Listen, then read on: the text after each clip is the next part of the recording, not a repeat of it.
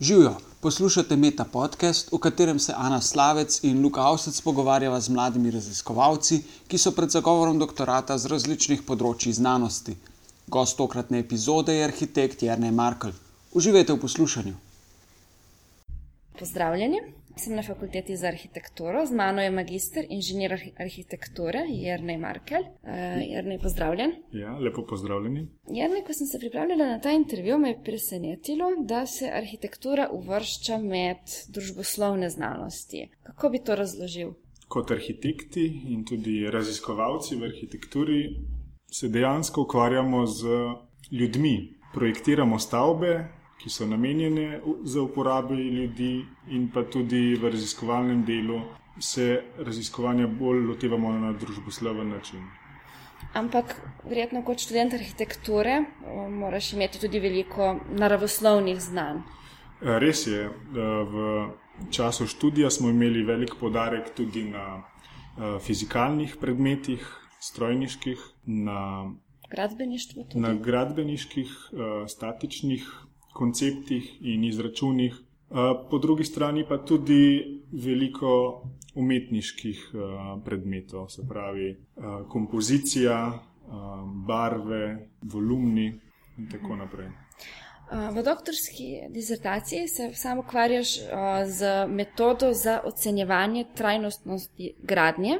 Mi lahko razložiš ta pojem trajnostno, ker sama si ga v bistvu na dva načina si ga predstavljam. Eno je, da je stavba čim dlje traja, da je obstojna, po drugi strani pa ima tak nek prizvok ekološkosti. Kateri smisel te besede imaš sam v mislih, ko to raziskuješ? Kot si že sama ugotovila, ta pojem poskuša zaobjeti tako tako vidik trajanja, kot vidik čim manjšega vpliva na okolje. Po tretji strani pa trajnost nagradnja poskuša še zagotoviti čim, boljše, čim boljšo kvaliteto stavbe za uporabnika in vpliv na širšo okolico.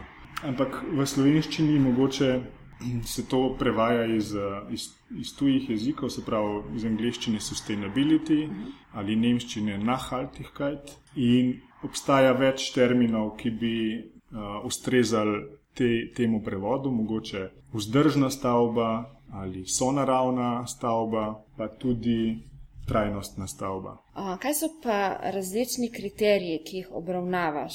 Poskušamo zaobjeti čim bolj celovito vse vidike, ki se nanašajo na trajnostno uh -huh. stavbo. Se pravi, vključujemo tako vpliv stavbe na onesnaževanje, rabo energije v stavbi, rabo vode, katera gradiva so uporabljena, ali so to lokalna, ali imajo lahko potencialno škodljiv vpliv na zdravje človeka, potem kako se zemljišče uporablja, je bilo to zemljišče še neokrnjeno, naravno ali je bilo že prej pozidano, po drugi strani pa potem se osredotočamo tudi na uporabniški vidik, kakšna je kakovost grajenega okolja, se pravi, se ukvarjamo z bivalnim ugodjem, funkcionalnostjo, tehničnimi značilnostmi stavbe.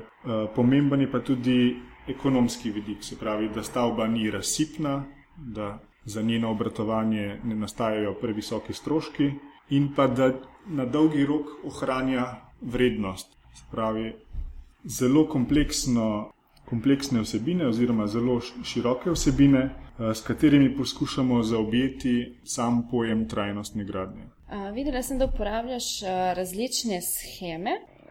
Ta pravila verjetno so zelo odvisna od okolja, v katerem poteka gradnja. Kateri kriteriji ali pa katere vsebine so bolj pomembne za, za doseganje trajnostne gradnje, je zelo odvisno tudi od uh, lokalnega okolja oziroma regionalnega okolja. V Sloveniji recimo so prioritete nekoliko drugačne kot v nekem puščavskem svetu. Tako da za vsake okolje na nek način se te prioritete nekoliko spremenijo. Tako da pri nas uh, smo mi vključili slovenske strokovnjake, ki so nam pomagali določiti pomembnost posameznih kriterijev za doseganje trajnostne gradnje. Če sem prav razumela, si izvedel v bistvu anketo med temi strokovnjaki? E, tako je. Povabili smo 40 um, najbolj prepoznavnih strokovnjakov z področja trajnostne gradnje v Sloveniji. To so tako arhitekti, gradbeniki, strojniki, elektroinženiri, kot tudi uh, družboslovci, se pravi iz ekonomskih vod in sociologi. Kakšne so bila pa vprašanja v tej anketi? Uh, anketiranci, so, anketiranci so na podlagi uh, lastnih izkušenj določili pomembnost uh, posameznega kriterija v primerjavi z drugimi, in na osnovi tega smo dobili nekako prioritete, kaj je bolj pomembno, kaj je manj pomembno. Uh, med bolj pomembnimi kategorijami so išle ener raba energije, gradiva, bivalno ugodje in pa stroški stavbe. Uh, prebrala sem, da v bistvu tudi um, razvijaš neko orodje, ki ga bojo lahko tudi drugi uporabljali, ko bojo želeli ocenjevati kakovost gradnje. Tako je. Z našim orodjem bo možno v fazi načrtovanja projekta preveriti stopnjo trajnostne gradnje in uh, glede na dosežene rezultate določene aspekte še izboljšati. Uh, se pravi, to orodje bo služilo projektantom pri, pri načrtovanju. Uh -huh. In kako izgleda to orodje? Je to računalniški program? Uh, orodje je pripravljeno kot um, računalniška um, podloga v programu Excel, kjer ga projektant uporablja pri načrtovanju in -huh. izpolnjuje specifike uh, projekta, na podlagi katerih dobiva rezultat o stopni trajnostne gradnje. Uh -huh, uh -huh. Pa se v bistvu to lahko uporablja um, za katero koli stavbo ali je namenjeno točno določenemu tipu stavb?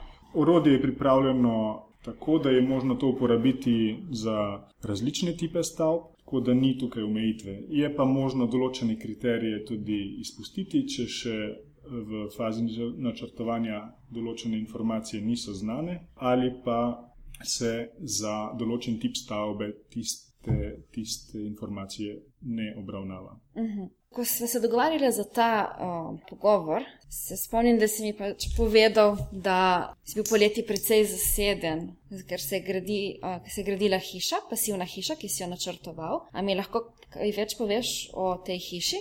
Ja, imel sem priložnost um, sodelovati kot projektant pri, pri načrtovanju nove hiše. Zasnovali smo jo kot pasivna hiša, se pravi, da pasivna hiša pomeni, da ima zelo nizko potrebo po energiji za ogrevanje in sicer um, 15 kWh na kvadratni meter na leto. Koliko se pa običajno, kakšna je običajna poraba? Uh, v primerjavi z zakonodajo je to skoraj trikrat boljša vrednost.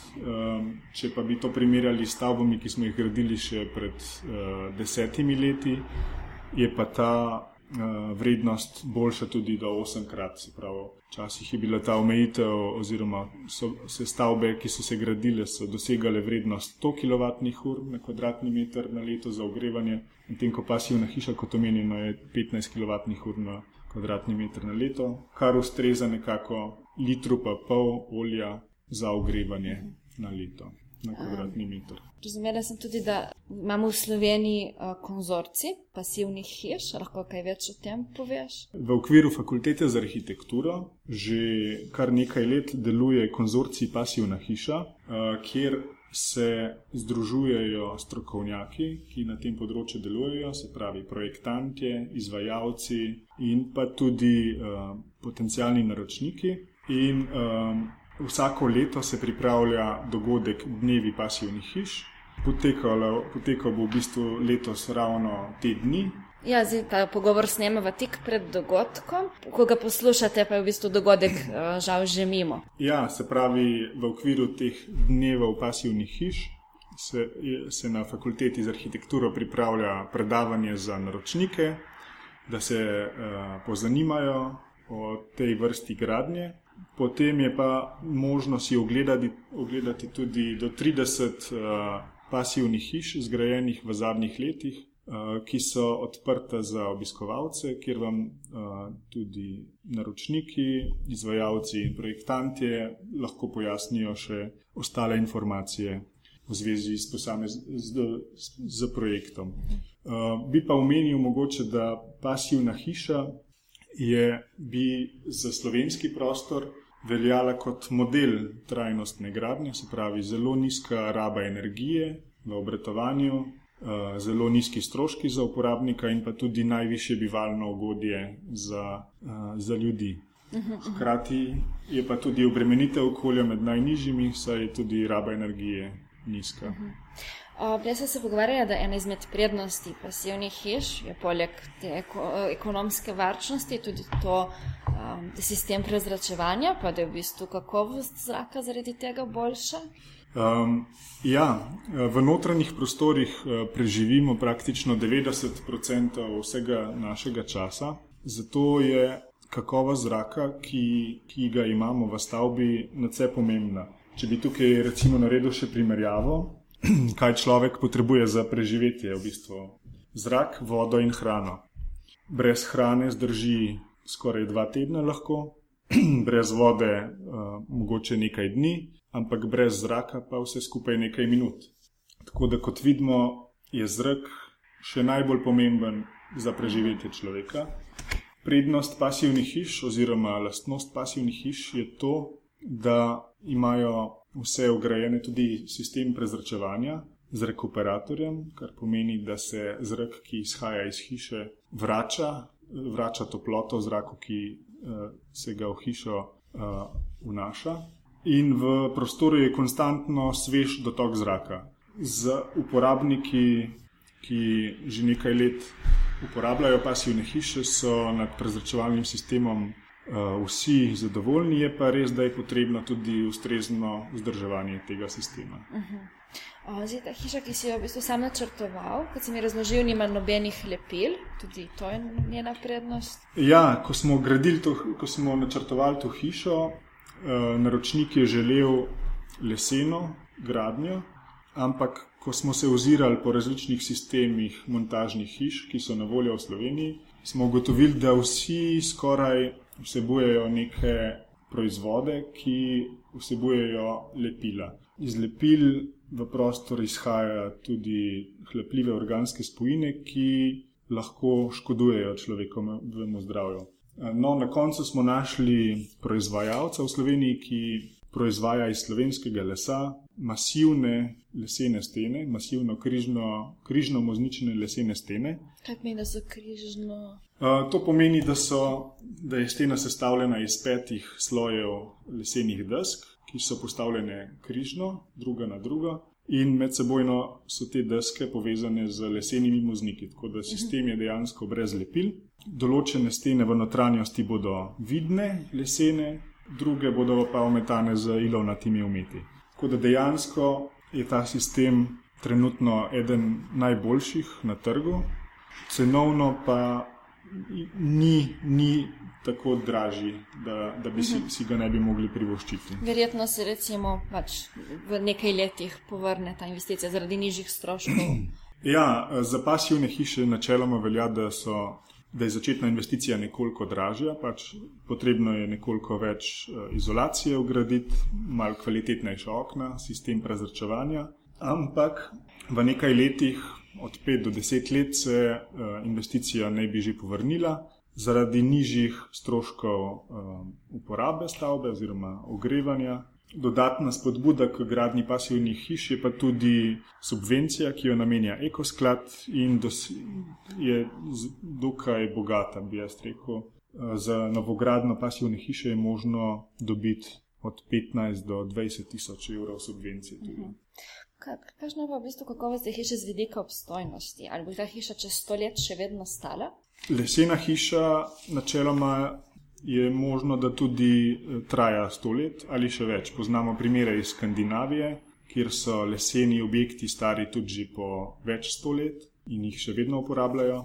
Ampak načeloma enodružinske hiše se že v 50-60 letih na nek način postaje, postanejo dotrajane z vidika funkcionalnosti, z vidika sprememb uh, življenjskega sloga. Načeloma pa vseeno ta hiša upam, da bo trajala tudi uh, dolgo časa.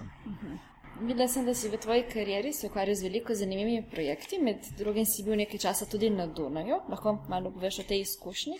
Ja, po diplomi uh, tukaj v Ljubljani na fakulteti za arhitekturo sem odšel um, za tri leta na Dunaj v arhitekturni biro Biro je dokaj velik za slovenske razmere, je zaposlenih od 15 do 20 arhitektov. Pripravljali smo načrte za stavbe in uh, urbanistične zasnove za projekte v različnih državah, v Sloveniji, Avstriji, Italiji, na Hrvaškem, v Nemčiji. Izkušnja je bila zelo, zelo dragocena. V Sloveniji se biroji do sedaj ne ukvarjajo še z tako velikimi projekti na nek način. Imel sem priložnost, da sem sodeloval pri dveh projektih, ki smo zmagali uh, na tečaj, dva velika mednarodna natečaja. En projekt je v Bolcanu, uh, preureditev železniške postaje in uh, mestnega predela, ki smo ga zmagali in se ta projekt sedaj v biroju nadaljuje. Drugi projekt je pa uh, nova centrala za Bank Avstrijo in je v bistvu zelo obsežen projekt Banka Avstrija Campus. Zdaj pa lahko greva na ta končni sklop vprašanj, ki jih postavimo vsakemu intervjuvancu. Um, kaj bi bil, če ne bi bil znanstvenik? Kakšne so bile tvoje alternative pri upisu na univerzo? Dejansko že zdaj poskušam združevati raziskovalno delo z eh, praktičnim, se pravi kot arhitekt raziskovalec, skušam združevati um, stroko v praksi. Mogoče pač v, samem, uh, v same, sami vlogi arhitekta so dejansko že združene te, ta zanimanja, ki so me tudi na različne fakultete mal uh, um, usmerjala. Se pravi, pri upisu sem imel mal dilemo, če bi se vseeno upisal mogoče na fiziko ali na strojništvo ali pa celo na medicino, ampak sem ugotovil, da v arhitekturi vse te različne stroke se nekako združujejo. A, koga od nam znanih ali neznanih osebnosti bi povabil na večerjo, če ne bi bilo nobenih omejitev?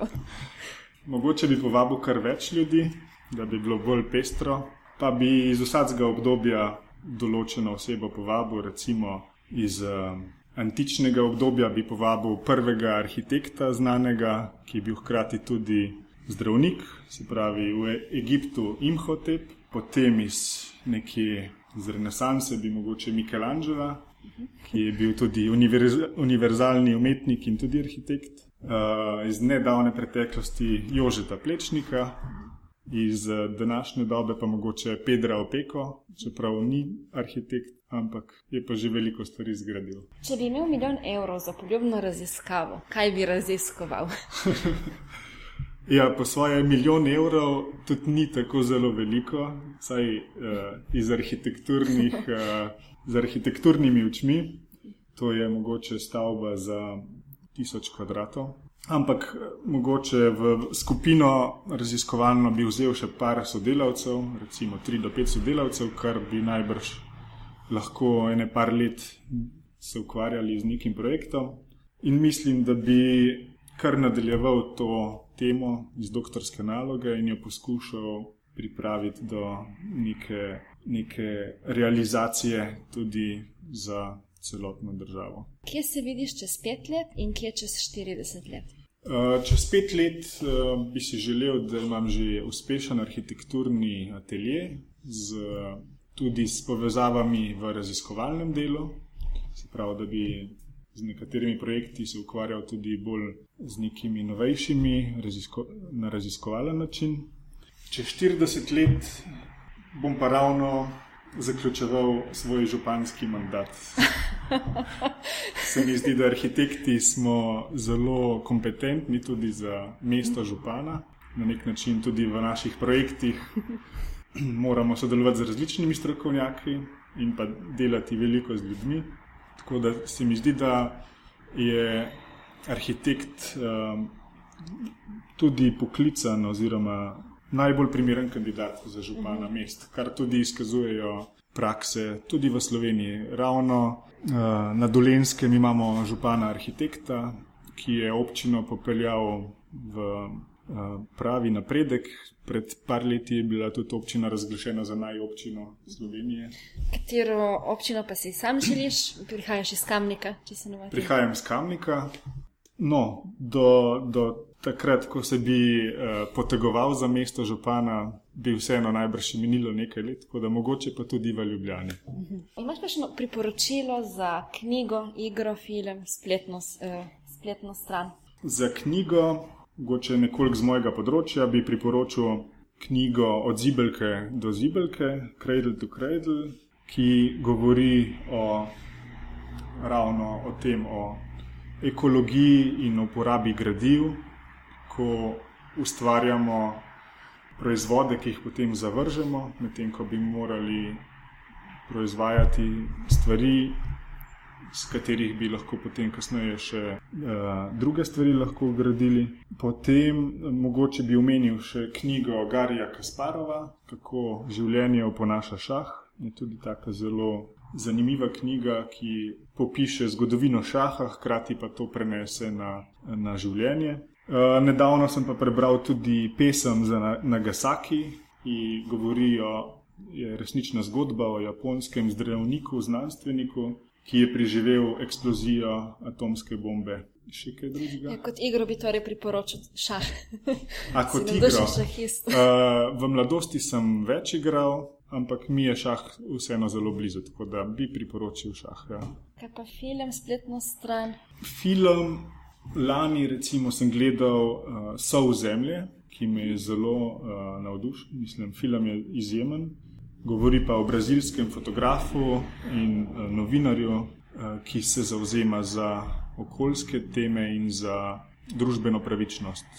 Uh -huh. uh, Imáš kakšne priljubljene spletne strani, podcaste? Podcast, mogoče bi priporočil uh, kitajka.si, to je stran za začetno učenje kitajščine. Dve leti nazaj sem, uh, sem se začel tudi sam malo kitajsko učiti. Skratka, tole, splet, tale podcast, Kitajka, ki si je uh, ustvarjala moja učiteljica kitajščine in se mi zdi, da je zelo, zelo uspešno pripravljena zadeva. Kaj pa s čim se zamotiš in kakšne izgovore si izmišljuješ, ko zavlačuješ ali odlašaš stvari, ki jih moraš narediti za doktorat? Si predstavljam, da tega veliko, mislim, glede na prejšnje odgovore. ja, imam veliko zanimanj, tako da me hitro povleče v kakšno drugo stvar in potem se s tistim malo ukvarjam. Tako da veliko stvari je, ki me malo odvrača od doktorata. Recimo. Kaj bi ti pa lahko v tem trenutku izboljšalo kakovost življenja? Um, to, da bi bile nepremičnine v Sloveniji bolj dostopne mladim. Recimo, stanje v Sloveniji je za mlade zelo težko, bi rekel. Um, cene so izredno visoke, um, ponudba je zelo slaba. Tako da se mi zdi, da tukaj se mora še veliko stvari popraviti, da bi tudi mladi prišli lažje do nekih lastnih, uh, lastni, do lastnega doma. Ne. Tako da to bi, po mojem, najbolj izboljšalo kakovost življenja meni, pa tudi drugim številnim mladim. Drži. Uh, Jedna in najlepša hvala za pogovor. Z veseljem. Poslušali ste Meta podcast, ki ga pripravljava Ana Slavec in Luka Avsec. Pogovarjava se z doktorskimi študenti in študentkami pred zaključkom doktorata z različnih področji znanosti. Meta podcast domuje na spletišču metina.si, v drugi sezoni pa sodelujemo tudi z Društvom mladih raziskovalcev Slovenije.